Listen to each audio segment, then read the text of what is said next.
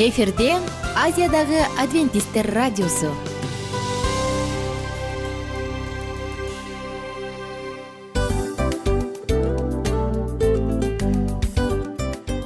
Достор салют. Баардык сүйүктүү угармандарыбызга салам айтабыз. Кутман күнүңүздөр менен. Ден соолук өмүрдүн булагы демекчи саламат саамы программасында баарыңыздарды көргөнүбүзгө абдан кубанычтабыз. Анда алгач амандашып өтөлү арбаңыздар деп. Ден соолугуңуздар кандай элибизде көбүнчө ден соолук кандай дегенде эле жакшы деп жооп беребиз э? ооруп турсак дагы жакшы дейбиз. Анан мен муну айтып ойлойт элем бул абдан сонун сөз депчи анткени бул жакшы деген үмүт да э баары жакшы болот. Баары сонун. Үмүттөнүп атып эле өзүбүздү өзүбүз дарылап коебуз. Анысы кандай сиздин дагы ден соолугуңуз жакшы беш деген үмүттөбүз чындыгында ден соолук бул өмүрдүн булагы деп бекеринен айтылган эмес деп ойлойм. Кыргыз элинде анткени эгерде ден соолук жок болсо анда адамдын жашоосунда калган баардык керектүү маңыздуу нерселер өзүнүн баалуулугун жоготуп коет. Ошондуктан ден соолук бул эң керектүү нерсе. Ооба туура айтасың кесиптешим. Чынында ден соолугуң жок бир эки үч күн ооруп калсаң эле кандай болуп калат? Жашоодо көз каранды болуп каласың көп нерсеге жетишпей каласың көп нерсени кыла албай каласың жада калса эшикке дүкөнгө да чыга албай каласың. Туптуура анан ден соолук болсо демек биз биздин бактыбыз тоодой деп койсок болот. Анда достор саламат саамы рубрикабызды баштайлы. Алдыда өзүңүзгө керектүү болгон сонун кеңештерди уга аласыздар. Мына ошондуктан биз менен бирге болуңуздар. Ал эми биз болсо милан жана айнура. Кеттик алга. Алга саламат саама ден соолуктун жарчысы. Саламат саама ден соолуктун ачкычы. Күн сайын сиз үчүн мыкты кеңештер сонун жаңылыктар кызыктуу фактылар биздин рубрикада.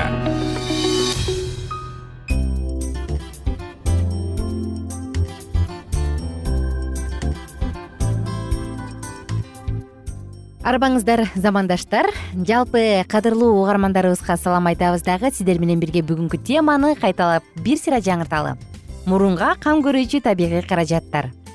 Мурунку уктуруубузда дагы дал ушул теманын биринчи бөлүгүн сөз кылганбыз. Ал эми бүгүн экинчи бөлүгү. Тагыраак айтканда уландысы тыңдап жатканыңыз саламат саама рубрикасы жана сиздер менен бирге кызматта мен айнура. Достор жашооңузда өмүрүңүздө бир жолу мындай убак болду беле мурдуңуз бүтүп дем ала албай кыйналып оозуңузду ачып бакадай дем алып. Анан ушундан улам жашооңуз ушундай бир көңүлсүз болуп калган да. Керек болсо тыңыраакта тамак жей албайсың. Бир учурда эле дем алып бир учурда эле тамак жеш кыйын. Ой мындай убакта укташчы уктаган да кыйын. Уктап атканда оозуңду ачып уктайсың. Анын натыйжасында оозуңдун ичинин баары кургап калат. Шилекей да жута албай каласың.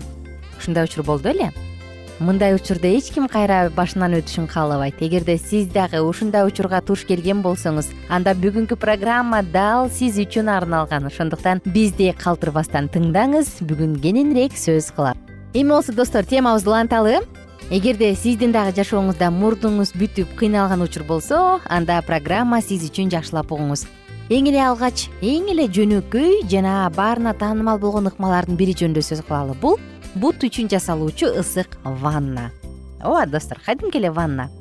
Ал үчүн бутуңузду жөн гана ысык сууга салып ырахаттанып отуруш керек. Суунун температурасы отуз алты градустан кырк градуска чейин жетиши керек цельсийге чейин. Ал эми бул процедура болжол менен он он беш мүнөт жасалышы ыктымал. Бутуңузду парить этип же болбосо ысык сууга салып бүткөндөн кийин аны сөзсүз түрдө муздак сууга чыланган полотенце менен катуу катуу катуу сүртүп туруп анан жүн байпак кийип алышыңыз керек. Күнүнө үч төрт жолу жасасаңыз жакшы. Эми болсо айтып берели достор э? Кандай жасаш керек? Кененирээк айтып берели. Э, бутуңузду ысык сууга бутуңуздун башын эле эмес а бул балтырыңызга чейин жеткендей кылып ысык сууга саласыз. Ал ооруп үшүп чыйрыгып турганда ып ысык сууга салгың келет эмеспи? Бирок андай туура эмес болот. Суунун алгачкы температурасы отуз сегиз градус болушу керек анан кийин үч беш мүнөт өткөндөн кийин бир аз дагы ысык суу куюп суунун температурасын кырк кырк эки градуска чейин жеткирсеңиз болот. Дал ушул кырк кырк эки градуста бутуңузду беш он мүнөткө чейин дагы сууда кармайсыз. Анан бүткөндөн кийин бутуңузду муздак полотенце менен ачып муздак сууга сыгылып алган э муздак сууга салып сыгып алган полотенце менен ачасыз дагы анан жүн байпак кийип алып жатасыз. Дагы бир нерсени айта кетели. Эмне себептен мындай ванна пайдалуу. Анткени бутка ысык сууга салынып турган учурда кадимки бутка келген кан тезирээк айлана баштайт. Демек үстү жактан кан бутту көздөй тезирээк чуркайт. Мындай учурда грипптен кыйналып аткан сасык тумоодон кыйналып аткан адамдын абалы жеңилдей түшөт. Анын натыйжасында дем алуу органдардын абалы жеңирет мурун көңдөйүп өпкө кененирээк дем ала баштайт. Мурундун бүтүшү дагы бир азга чейин бир топко чейин жеңилдейт кайсы учурда? Албетте эгер сиз баардыгын эрежеси менен жогоруда айтылгандай кылып туура бутуңузду суксуга салсаңыз анда сөзсүз түрдө абалыңыз оңойлой жеңилдей түшөт. Бирок достор эске салчу дагы бир көрүнүш бар. Бул процедураны баардыгы эле жасай бергенге болбойт ким жасаганга болбойт. Жүрөк кан тамыр оорусу бар адамдар кош бойлуу адамдар гипертониктерге жасаганга болбойт. Анткени мында сиздин тескерисинче жаныңыз ого бетер кыйналышы мүмкүн кийинки дагы бир сонун ыкмалардын бири бул ингаляция методу. Мурунку уктурууда эсиңизде барбы ингаляция жөнүндө бир аз сөз кылганбыз. Дал ушул ингаляция. Бул мурун көңдөйүнүн ичиндеги абалды жакшыртат кан тамырларды ичкертет. Ошондуктан мурундан аккан баардык нерсе азаят дагы дем алуу оңой боло түшөт. Эмне менен ингаляция кылсаңыз болот? Дары чөптөр менен майлар менен мурунку уктурууда айткандай булар баардыгы менен ингаляция кылсаңыз жакшы. Өзгөчө ингаляцияга эфир майы эвкалипттин эфир майы абдан оптималдуу сонун тандоо болуп эсептелет. Эгерде эвкалипт майы жок боло турган болсо анда эмне кыласыз? Жөн гана бир литр ысык сууга төрт беш кашык. Кадимки эле соданы салыңыз дагы мурдуңуз менен бирдей оозуңуз менен кезек кезеги менен дем алып терең терең дем алыңыз. Мында дагы сиздин абалыңыз бир топ жакшыра түшөт дагы кызыктуу методдордун бири бирок абдан эле укмуш эффективдүү деп айткандан алысмын. Анткени эффектиси жогорудагыдай эмес. Бул муздак компресс. Бетке муздак компресс басуу чекиге же болбосо эки беттин эки бетке муздак компресс басып өзүңүздүн абалыңызды жакшыртсаңыз болот. Муздак болгондо ноль градустан төрт градуска чейин гана сууда сыгылган полотенце болушу керек. Анан үч мүнөттөн беш мүнөт аралыгында басуу туура. Ошондой эле достор дагы бир сонун нерсе. Бул кадимки эле пиязды жыттоо пиязда фитонцид учуучу заттары көп болгондуктан пиязды кесип кесип кесип алып туруп аны терең терең дем алып терең терең өпкөгө жеткендей дем алсаңыз абалыңыз жакшыра түшөт. Күнүнө эки үч жолу жасаганыңыз жакшы. Кээде болсо сасык тумоо учурунда апаларыбыз пияздарды кесип кесип турап турап туруп терезелерге дагы коюп коет э бул да жакшы нерсе. Достор эгерде мурун тез тез канап атса кыйналып атсаңыз анда аспирин сыяктуу кандын коюланышын кандын мындай бир суюлуп кеткенин байкап турсаңыз анда кандын суюктугун ого бетер күчөтүүчү аспирин жана башка медикаменттерди ичкенден абайлаңыз. Өзүңүздүн рационуңузда к в с витаминдери көп болсун көбүрөөк жегенге аракет кылыңыз. Эгер болбой эле мурундан кан агып кетсе эмне кылыш керек? Анда отуруңуз же туруңуз бирок жатпаңыз. Жатканда кан башты көздөй кетип калат э канды жутуп албагандай кылып отуруңуз. Анан эки мурдуңуздун жумшак жагын тең крылья деп коет эмеспи мурдуңуздун жумшак жагын манжаларыңыз менен катуу басыңыз. Мындай учурда кан агуунун тогуз пайызы токтоп калат. Андан кийин кадимки эле э, кебес шарикин перекись водорода деп коет эмеспи дал ушул нерсеге чылаңыз дагы бир кан агып аткан мурдуңузга тыгып коюңуз эгер мында дагы кан агуу токтобосо анда сөзсүз түрдө доктурга кайрылыш керек. Достор мурун бүтүнү айык дарыласаң эки жума керек эгер дарылабасаң он төрт күн керек деп коет эмеспи анысы кандай? Колуңуздан келишинче өзүңүздүн саламаттыгыңызга кам көрө бериңиз. Биз болсо сиздер менен коштошобуз. Баардыгыңыздар менен кийинки уктуруудан амандашканча сак саламатта туруңуздар саламат саама ден соолуктун жарчысы. Саламат саама ден соолуктун ачкычы. Күн сайын сиз үчүн мыкты кеңештер сонун жаңылыктар кызыктуу фактылар биздин рубрикада. Салют замандаштар баарыңыздарга ысык салам. Дил маек программабызга кош келиңиздер. Дил маек рубрикасы дегенде эле бул эмне болгон дил маек? Ким менен маектешебиз деп сурайт болуш керек угармандарыбыз бул рубриканы кыскача тааныштыра кете турган болсок ар тарап кесип ээлеринен болгон сонун интервью кеңештер бар. Ооба. жылдыздар менен болгон маек бар. Аталарыбыздын агаларыбыздын чоң аталарыбыздан сонун кеңештер бар. Ошондой эле эже сиңдилердин кеңештери бар айтор. Баардык кызыктардын баары алдыда. Негизи эле адам баласы бир кимдир бирөөнө ишенип сырын ачкысы келет эмеспи э мындай баарлашууга жакын келебиз го. Албетте негизи бир жерге отуруп алып кенен шашпай баягы жүрөктөн жүрөккө ачып сырларыбызды ар кандай көйгөйлөрүбүз менен бөлүшүп баягы чын жүрөктөн маек курганды кимибиз сүйбөйбүз э? Ооба десең ал нерсеге суусап да келебиз да. Ооба кээ бирде адамга чындыгында баягы э, ысык маек баягы жылуу маек жетишпейт да. Ошондуктан биз ушул рубриканы ойлоп тапканыбызда эң биринчи эле достор сиздер менен чын жүрөктөн бир маңыздуу темаларды козгоп кеткени кааладык. Ошондуктан ушундай сонун бир рубриканы тартуулап жатабыз. Анын үстүнө радио дагы сонун дос да анткени э, мындай учурда досуңа айтсаң досуң досуна айтат досу досуна айтат да анан бүт өлкө билип калышы мүмкүн го. А радио болсо сени сатпаган сенин айыбыңды ачпаган. Сенин сырыңды эч кимге айтпаган сонун досуң ошондуктан биздин алдыдагы айта турган кеңештерибизди биздин досторубуздун кеңештерин угуп анан ал жака пикириңизди дагы калтырып кайрадан биз менен байланышсаңыздар болот. Деги эле жашооңузга эгерде кичине болсо дагы өзгөрүү алып моралдык жактан моралдык жактан сонун бир кеңештерди алсаңыз демек биз максатыбызга жеттик. Ооба. Чыңгыз атабыз улуу жазуучу э, чыңгыз айтматов айткандай адам болуу бул күнүмдүк процесс экен. Күн сайын адам бойдон калуу бул адамзатка эң эле кыйын дейт э? э эң кыйын дейт. Чындыгында бунун э, негизинде адамдын эң баягы сапаттуулугу адамдын э, адамгерчилиги жана көптөгөн керектүү нерселер. Мына ошол темалар дагы бизде ушул дил маекте биз аларды да козгойбуз. Ден соолук жөнүндө да сүйлөшөбүз. Сөзсүз түрдө. Анан милан мырза негизи айтып коюшат го. Биз көбүнчө эмнени ойлонсок ошол нерсеге карата иш кылабыз го. Ооба. Анан анысы кандай балким бул радио баракчада кимдир бирөөнүн оюн текшергенге жардам берет кимдир бирөөнүн жүрөгүн текшергенге жардам берет.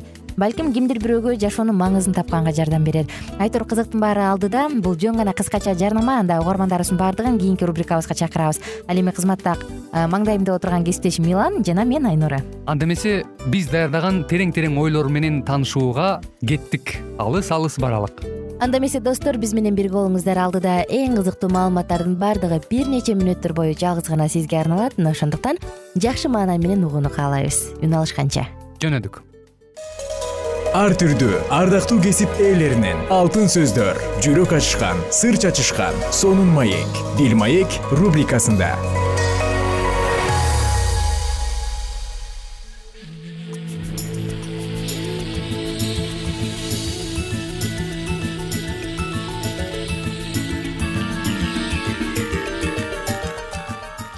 ассалому алейкум кадырман замандаштар. Кайрадан эле сиздердин назарыңыздарда сүйүү жоолугушуулар жана нике аттуу программабызды баштайбыз бүгүнкү программабыздын чыгарылышында өткөн берүүбүздү эске сала кетсек э, сүйүү сезимдери жана ошондой эле э, чыныгы сүйүүнүн айырмасы туурасында дагы кеп кылып өткөнбүз.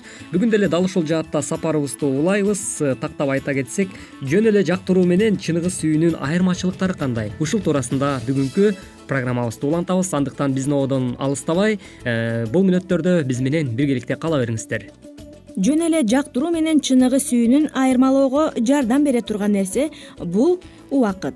Жактыруу тез эле пайда болуп сезимдериң туруксуз болот. Ал америкалык оюндарга окшоп учурунда адамдарды кызыктырганы менен тез эле бүтүп калат. Адатта биринчиден достук пайда болушу керек. Анан ошол достук бекемдеп отуруп бири бирине болгон жактыруу сезими келип чыгат. Ошондо гана эки жүрөк бирге кагышы керек экендигин түшүнөсүңөр чыныгы сүйүүнүн өсүп жетилиши үчүн убакыт керек. Ал эми жактыруу болсо убакыт өткөн сайын мурдагыдан күчүн жоготот. Сен кимдир бирөөнү жөн эле жактырып калганыңды же ага болгон сезимдериң чыныгы сүйүү экендигин айырмалап билүү үчүн сен эң жакшы досуң бул убакыт. Эки жаш үйлөнгөнгө чейин бири бирин жакшыраак билиш үчүн эки жылдай убакыт талап кылынат экен чындап эле жогоруда айтылып өткөндөй эле кадырман замандаштар э, баягы э, жашоонун негизинде нугу башкача айтканда сен кимдир бирөө менен достук мамиледе болуп аткан учурда деле же болбосо сүйүү сезиминде деле бул убакыт эң жакшы жардамчы деп дагы айтып келет эмеспизби андыктан чын эле убакыттын өтүшү менен кимдин ким экени кандай адам экениң жана сенин мүнөзүң кандай экенин баардыгын билип калат эмессиңби андыктан убакыт менен достошко билген дагы абдан жакшы экен. Баягы Э, убакыттын өтүшү дагы кандайдыр бир деңгээлде адамды көп нерсеге бизди мындай убакыт өзү тарбиялап коет экен да.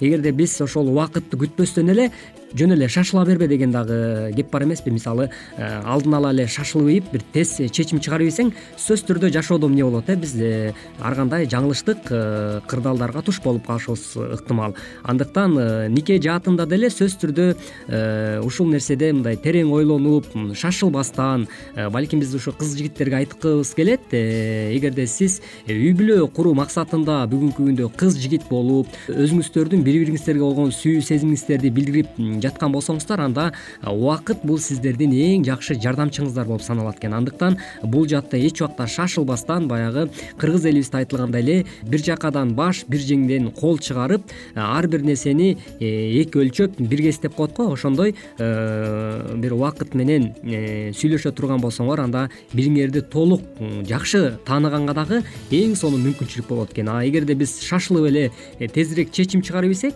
мүмкүн жашообузда жогоруда биз айтып өткөндөй эле олуттуу бир э, кырдаалдарга туш болуп кыйынчылыктарга дагы дуушар болуп калышыбыз. Толугу менен ыктымал экен чынында эле эки жашка эки жылдай убакыт талап кылынат экен. Андыктан бул кеңештерди дагы сөзсүз түрдө эске аласыз деген ойдобуз. Эгерде эртеби же кечпи ар бир адам жактыруу сезимин башынан өткөрбөй койбойт. Эгер сен азырынча бул нерсени башыңан өткөрө элек болсоң күтө тур бул сезим сага сөзсүз келет. Бирок ошол эле учурда сен эмне кылышыңды билесиңби? Жактыруудан келип чыккан эки чоң ката бар. Биринчиден сенин сезимдериң сени жыныстык байланышка болууга түрткү болуп тагдырыңа балта чабат же кийин бактылуу үй бүлө курушуңа өзүнүн терс кесепетин тийгизет. Экинчиден же терең ойлонбой туруп үйлөнүп калгандыктан өкүнүп каласың. Ушул каталарды кетирбегенге аракет кылыш керек өзүңдүн сезимдериңди сакта. Сага ылайыктуу адамды убакытты жана кырдаалды күт. Сөзсүз түрдө жогоруда айтылган кеңештер э, сиздердин жашооңуздарга жакшы бир э, жемиштерин бере берсин деген тилегибизди дале болсо бүгүнкү берүүбүздө дагы айтып өтмөкчүбүз. Ал эми э, ушул окуяны укканда кесиптеш менде дагы бир окуя эсиме түшө калды да көп жылдардан бери ушу менин дагы бир э, тааныш э, досум бар эле да анан күтүлбөгөн жерден эле бир күнү мен үйлөнөм деп калды мен ойлодум ал көптөн бери сүйлөшүп жүргөн экен өзүнүн ушу жактырып жүргөн кызы бар экен деп ойлогом. Ал досум ошол бир тааныш эжелерге ушул кайсыл бир кыздын сүрөтүн көрсөткөн экен да. Мына бул кыз ушул эме сүйлөшкөн жигити жок экен ушул кыз менен үйлөнөйүн деп ойлоп атам десе эле а алыр алыр абдан жакшы болот депчи. Э, анан ошол досум болсо э, баягы сүрөттөн бир көрүп эле анан эми айтып атышпайбы элдин баары эле жакшы деген ой кетсе керек анан аз эле убакыт э, сүйлөшкөндөн кийин эле бат эле үйлөнүштү да. Үйлөнгөндөн кийин анан э, бир күнү э, ал мага келип ошол өзүнүн үй бүлөдө болуп аткан көйгөйү туурасында айтып берип жатып анан мен аябай эрте шашылып үйлөнүп алыптырмын мен азыр аябай өкүнүп жатам деди да.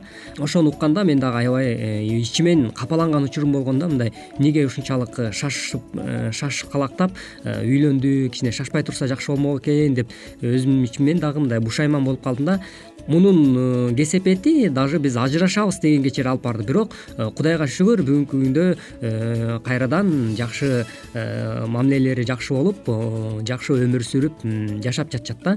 Бирок ушундай тагдырга туш болуп калбаш үчүн алдын ала мындай тез чечим чыгарып ийгендин дагы олуттуу кесепеттери сөзсүз түрдө жашоодо аткарылат экен. Албетте бул чын эле жаштар үчүн эң олуттуу нерсе эмеспи? Үй бүлө куруу сен ошол адам менен өмүр бою жашашың керек. Элестетип көрөлү биз э, бут кийим э, саткан бир дүкөнгө кирдик дейли. Ал жактан эң сонун туфли кийдим дейли. Ал туфли мага аябай жаккандыктан мен дароо эле сатып алдым. Сатып алып баягы туфли менен көчөгө чыгып кетип баратам дейли. Бирок бир убакта бул туфлинин катуу экенин мага сезилип бутум өйкөп мен бир нече остановка баса албай бутумду чечип карасам аябай өйкөп канатып салыптыр. Анысы кандай? Үй бүлөдө ушинтип өйкөлгөн сыяктуу эки адамдын ортосунда дагы сүрүлүүлөр болот экен албетте ошол сүрүлүүлөрдү эгерде биз туура нукка буруп э, чече турган болсок анда бактылуу никени улантканга жакшы кырдаал түзүлөт бирок эгер тилекке каршы бул нерсе күчөп кете турган болсо анда сөзсүз түрдө ажырашууларга алып келет эмеспи.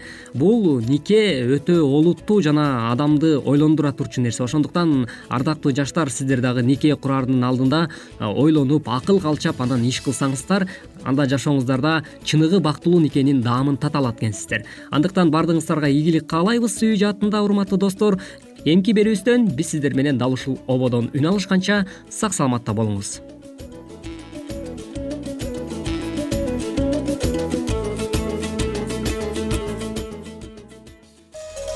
Ар түрдүү ардактуу кесип ээлеринен алтын сөздөр жүрөк ачышкан сыр чачышкан сонун маек дил маек рубрикасында.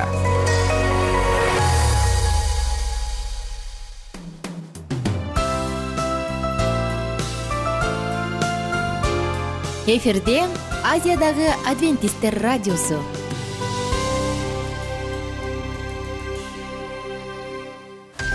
Жан дүйнөңдү байыткан жүрөгүңдү азыктанткан жашооңо маңыз тартуулаган жан азык рубрикасы.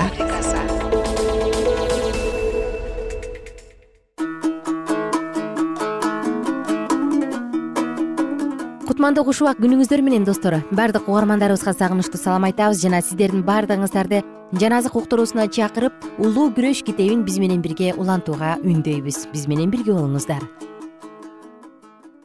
Бул аткарыла турган иш ыйса машаяк көтөрүлүп кеткенден кийинки элүүнчү күндө болгондой улуу болот.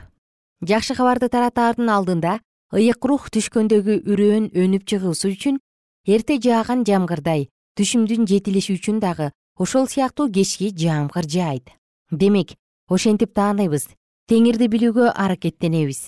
Анын келиши даңкы жарыктай ал бизге жамгыр сыяктуу келет. Кеч жааган жамгырдай жерди ным кылып сугарат. Жана ошондон кийин мындай болот. Мен ар кандай жандарга өз рухумду куям. Жана ким теңирдин ысымын чакырса куткарылат. Жакшы кабардын улуу иши аяктаар алдында кудайдын күчү анын башталышындай көрүнүшү керек. Эрте жааган жамгырда аткарылган пайгамбарлыктар кечки жамгыр мезгилинде дагы аткарылышы анык. Бул петр даамын татып көргөн кубаныч мезгили жана ал мындай деген. Демек силер күнөөлөрүңөр кечирилиши үчүн тобо кылгыла дагы кудайга кайрылгыла. Анан жыргал замандар силерге теңирден келсин. Ал силерге арналып берилген ыйса машаякты жиберген. Апостол иштери үчүнчү бап он тогузунчу жыйырманчы аяттар. Кудайдын кызматчылары жаркыраган жүзү менен жүздөрүндө ыйыктыктын мөөрүн алып жүрүшөт. Жана асмандан келген кабарды жердин бардык булуң бурчуна жеткирүүгө шашылышат. Бул эскертүүчү кабарды миңдеген үндөр ар тараптан жар салышат. Көп сандаган кереметтер көргөзүлөт. Оолорулар айыгышат. Белгилер жана жогорку күчтөр ишенүүчүлөрдү коштоп жүрөт. Шайтан дагы улуу кереметтерди жасай баштайт. Жердеги адамдардын алдына асмандан от дагы түшүрөт ошондо жер тургундарына акыркы чечим кабыл алууга туура келет. Бул кабар адам акылы менен эмес кудайдын рухунун жардамы менен таратылат. Далилдер азыртадан эле бериле баштаган. Миссионерлер аркылуу таратылган китептер азыр өз таасирин берип жатат. Бирок көпчүлүк чындык жүрөгүн черткилеген адамдарга баарын толук түшүнүү үчүн бир нерселер кедерги болуп жатат. Азыр болсо жарыктын нурлары бардык жерге кирип чындык ачык айкын билинүүдө. Жана аларды байлап турган нерселерди кудайдын уулдары чечип жатышат. Жана аларды токтотуш үчүн бир туугандык байланыштар жыйындардын алдындагы билдеттер алсыздык кылат. Бардыгынан чындык алда канча баалуу болуп калат чындыктын каршылаштарынын бириккен күчүнө карабастан көп сандаган адамдар теңир тарапка өтүшөт. Отуз тогузунчу бап кайгы мезгили жана элиңдин уулдары үчүн бел болгон улуу төрө михаил көтөрүлүүчү кез келет. Адам жаралгандан тартып ушуга чейин мурда көл болуп көрбөгөн оор мезгил келет. Бирок ошол учурда сенин элиңден китепте жазылгандары табылып алардын бардыгы ал мезгилде куткарылат деп жазылган даниил китеби он экинчи бап биринчи аятта. Үчүнчү периштенин кабары аягына чыккандан кийин кудайдын ырайымы жер үстүндөгү күнөөкөр адамдарды калтырат. Кудайдын эли өз ишин аткарып бүтүшкөн. Ал теңирдин алдына кубаныч болгон кечки жамгыр алган жана келе турган сынак саатына даярданган. Периштелер жерден кайтып барышкандан кийин алардын иштери аткарылгандыгын билдирет жана дүйнө акыркы сынакка кабылган. Ким кудайдын мыйзамдарына баш ийген болсо кудайдын мөөрүн кабыл алышат. Ошондо ыйса машаяк өзүн асмандагы касиеттүү жайдагы кызматын аяктап колун көтөрүп катуу үн менен мындай деп айтат. Аткарылды. Жана бардык асман аскери анын жарыясынан кийин өздөрүнүн таажыларын чечишет. Адилетсиз өзүнүн адилетсиздигин жасай берсин. Таза эмес жамандыкка бата берсин. Адилеттүү өз адилет ишин улантсын. Жана касиеттүү касиеттүүлүккө бата берсин ар бир адамдын ала турган энчиси чечилген. Же өмүр же өлүм. Машаяк өз элине элдештирүүчү ишин аяктады. Жана алардын күнөөлөрүн тазалады. Анын астындагы адамдардын саны көбөйдү. Асман астындагы падышалыктар бийликтер жана алардын атак даңктары куткарылган адамдардын энчисине берилет. Жана ыйса машаяк падышалардын падышасы мырзалардын теңири болот качан машаяк касиеттүү жайдан чыкканда жер караңгылыкка кабылат? Ошол мезгилде адилеттүү адамдар ыйык теңирдин алдында жактоочусу жок өмүр сүрүшөт. Адилетсиз адамдарды эч нерсе токтотпойт жана шайтан тобо келтирбеген адамдардын үстүнөн болуп кирбөгөндөй бийлик кыла алат. Кудайдын көпкө чыдамдуулугун убакыты бүткөн. Бул дүйнө анын ырайымынан баш тартып коюшту. Анын сүйүүсүн жек көрүштү жана анын мыйзамдарын тебелешти алар ар дайым каршылык көргөзгөн кудайдын руху жер үстүнөн алынып кеткен. Кудайдын ырайымынын каалоосунан ажыраган адамдар калкалоосунан ажырагандар каардуу душмандын алдында калкалоосуз калып калышкан. Ошондо шайтан жер тургундарын акыркы кайгыга салат. Качан кудайдын периштелери каарданган адамдардын каалоолорун кое бере турган болсо душмандык бардык ааламат башталат түгөл дүйнө. Байыркы иерусалимдин кыйроосунан дагы коркунучтуу каардуу кыйроого кабылат. Египет жергесиндеги тун туулгандарды кырып жок кылган бир эле периште жердегилерди кайгыга салган. Качан дөөт падыша адамдардын санын каттоо менен кудай алдында күнөө кетиргенде бул күнөө үчүн жаза бергенде бир эле периште улуу кыйратуу алып келген. Ыйык периштелер кудайдын эрки боюнча адилетсиз адамдарды кыйраткан качан кудай уруксат бергенде жиндер дагы ушундай кыйратууларды башташат? Караңгынын күчтөрү ар дайым жерди кыйратууга даяр. Бир гана кудайдын буйругун күтүп жатышат.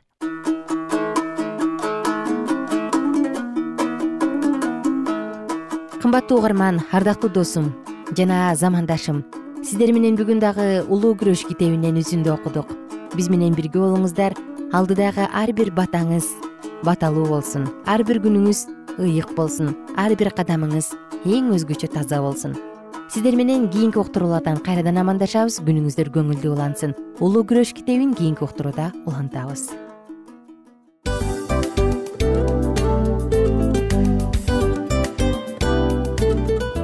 мына ушинтип убакыт дагы тез өтүп кетет экен биз дагы радио уктуруубуздун аягына келип жеттик. Келип кубандырдыңар эми кетип кубандыргыла деп тамашалап калышат эмеспи анысы кандай?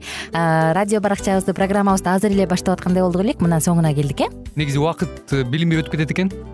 Мен дагы убакыт дегенде бүгүн бир адам менен сүйлөшүп калдым. Анан убакыт бул мүмкүнчүлүк деп айтып өзүмө өзүм айтып алып анан мага өзүмө эле кайра ачылыш болду да чын эле. Э Э, карап отурсаң ошол эле жыйырма төрт саат ошол эле жарым саат кайталанып атат. Бирок сендеги мүмкүнчүлүк жок ошол кой берилип кетти? Анысы кандай? Бүгүнкү сонун убактыңызды алтындай болгон жарым саатыңызды бизге бөлүп арнаганыңыз үчүн ыраазычылык айтабыз. Анан жашооңуздун кайсы бир сферасын өзгөртө турган сонун пайдалуу кеңеш алган болсоңуз анда биз максатыбызга жеттик. Анан ушул нерсени кылбасам десеңиз ошол өзгөрүүлөрдү кичинекей кадамдардан баштап иш жүзүнө ашырыңыз дагы жашооңузда чоң чоң ийгиликтерге жетиңиздер. Чын жүрөктөн ар бир берилген кеңештер сөздөр сиздерге пайдасын алып келет деп ишенебиз жана кийинки уктурууларда сөзсүз түрдө чыдамсыздык менен сиздерди күтөбүз. Сагынычтуу салам айтып кайрадан дал ушул жыштыктан баардыгыңыздарды тосуп алганча кызматта мен айнура жана кесиптешим милан анда кол каалайбыз жалпыңыздарга ийгиликтүү күн. Саламатта калыңыздар